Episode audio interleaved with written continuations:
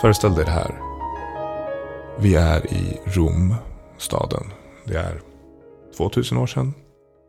Kring Kristi födelse. Vi är äckligt rika.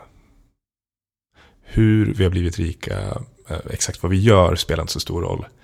Anledningen till att vi är rika är såklart att romarriket som vi är en del av har erövrat massa territorier.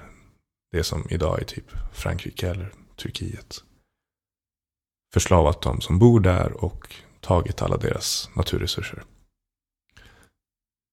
Vi har massa pengar, vi vill ha det nice och det vi framförallt vill göra nu är att bada. Problemet är bara att det är så många som oss som är rika och vill ha det nice att badhusen börjar kännas lite trånga. Eh, det är lite klaustrofobiskt. Eh, det är lite för liksom bökigt där inne. Så vi vill bygga ett nytt badhus. Eh, gärna i marmor. Gärna uppvärmt. Marmor finns. Eh, någon som kan lösa det där med uppvärmning finns. Men det finns ingen bra plats. Eftersom eh, Rom har, alltså staden, det är så många som bor där och vill ha typ stora villor. Att det finns ingen plats för det här badhuset. Det finns bara ett ställe kvar. Och det är eh, området där man har torterat och dödat slavar. Så det, det är en prime location men också inte det går omkring massa eh, snubbar där med röda kåpor och eh, ringer i olika klockor, bjällror. För liksom, här kommer jag med massa lik, håller borta. Men man fattar något snabbt beslut, det där löser vi eh, politiskt så att eh, få något bygglov och bygger helt enkelt badhuset där. Den naturliga frågan är varför behövdes det så mycket space till slavkroppar om de nu inte var värda någonting? Och svaret är att vi behövde döda slavar på ett sånt sätt som signalerade till de andra slavarna att du får aldrig bli upprorisk. Du får aldrig inse att du och jag är egentligen typ samma varelse. Eh, vi måste ha en, skillnad på slavar och oss andra. Och Det är därför man efter en del eh, kreativt arbete kommer fram till korsfästelsen. För att det både gör väldigt ont men också är väldigt tydlig, liksom en skyltdocka till de andra slavarna att stay in your lane. Det är därför slavarna korsfästs, det är därför det tar upp mycket plats. Det var därför romarna inte hade någonstans att bygga sitt badhus.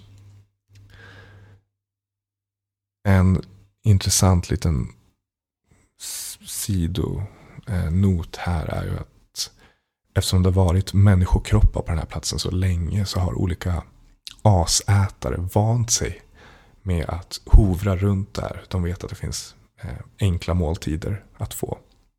Så att även efter det här uppvärmda badet är byggt i marmor så fortsätter eh, asätarna att sväva ovanför. Det är så här Tom Hollands bok Dominion börjar. Undertiteln till eh, Dominion är The Making of the Western Mind. Och hela författarens hypotes är att allt det vi kallar för västerländskt idag skulle vi lika gärna kunna kalla kristet. Så han börjar här då med eh, slaven som är hängd. Och förklarar varför slavar hängdes på det sättet. Och sen får vi åka med under 2000 år fram till nu och ser på vilket sätt kristendomen har influerat vårt samhälle politiskt och filosofiskt och praktiskt. Det som är lätt att glömma bort är hur radikal den kristna tron var när den kom. Alltså att Gud blev människa och hängdes som en slav. Det var så pass weird på den här tiden att under de första hundratals åren inom kristendomen så avtecknade man inte korsfästelsen. Den ansågs liksom för provokativ för att ens visa upp. Ehm, jag vet inte vad som vore liknande idag. Jag kommer ihåg att bandet Massgrav hade en, sålde en t-shirt där det stod Astrid Lindgren, jävla hora. Och det är väl liksom, jag tänker att det är typ motsvarande. Eh, men att man bygger en religion på det. Jesus radikala budskap var baserat på kärlek. Jag har läst, eh, jag har bläddrat i Nya Testamentet parallellt med att jag läste den här boken. Och Jesus är väldigt tydlig. Det är kärlek, det är bry dig om de som är utstötta i samhället. Du ska inte fokusera på dig själv och dina rikedomar. Det är inte svårt tolkat. Men det var väldigt radikalt. Ett exempel som Tom Holland tar upp är att på den här tiden om man fick barn men kände att det inte funkade med livspusslet så kunde man ställa ut barnen vid sidan av vägen. Bara så. Det var det man gjorde. Det var inte ovanligt att åka på en väg och se då utplacerade spädbarn. Och de första som gjorde någonting åt det här var kristna munkar och nunnor. De tog sig an de här spädbarnen. Det var en radikal idé för den här tiden. Men vad det innebär att vara kärleksfull betyder, eller har betytt olika saker i olika tider. Ett annat exempel han eh, berättar om är när eh, spanjorerna ska erövra Centralamerika, Sydamerika. Och kommer dit och som ni alla vet så är det ju, man erövrar ju med svärd primärt. Man försöker bara ha ihjäl dem så fort som möjligt. Eh, slash göra dem till slavar. Det är då en, en snubbe som räcker upp handen och typ är det här verkligen kristet? Är det här verkligen eh, rätt grej att göra? 1500 år efter att Jesus har eh, stått och bergspredikat. Där börjar man, man tänker då, ja, nu har vi tappat fotfästet, men det den här boken visar är att det där går liksom hela tiden fram och tillbaka. Vad Jesus budskap är och folk liksom påminner sig själva om det. Och hur det eh, används. För att det finns ingen gräns för hur många krig man har fört i Jesus namn. Till och med inom städer och inom kyrkan har man velat ha ihjäl varandra. Det finns ett antal bra exempel på det här. Eh, på 1200-talet har vi ju katarerna som ger upphov till namnet kättare sen. Det är mer intressant med en by som låg lite bredvid katarernas by. Som eh, de här korsriddarna också skulle rensa på folk som inte var kristna på rätt sätt. Vi måste också komma ihåg att deras tro är inte särskilt annorlunda från det vi idag skulle kalla kristendom. Ofta har de bara en liten variant på typ treenigheten. Eller så här, vi tror inte på dopet, för det finns inte med i Bibeln att man ska döpas som barn. Det är små skillnader. Men den här byn ska, vi, man bestämmer sig för att vi måste döda de som inte tror på rätt sätt. Okej. Okay. Och eh, korsriddarna ska åka dit, men de kommer på på vägen att hur vet vi vilka vi ska ha ihjäl och inte? De kommer inte ha en namnlapp där det står jag tror på fel sätt. Och de frågade påven, hur ska vi, hur ska vi göra? Och påven svarar i stort sett, kill them all. Gud, får, Gud vet och han kommer sortera när de väl är döda. De som har gjort rätt för sig kommer hamna i himlen typ. Så att kristendomen har varit i, i strid med sig själv hela tiden. Ungefär en gång varje århundrade så sker det någon typ av reformation.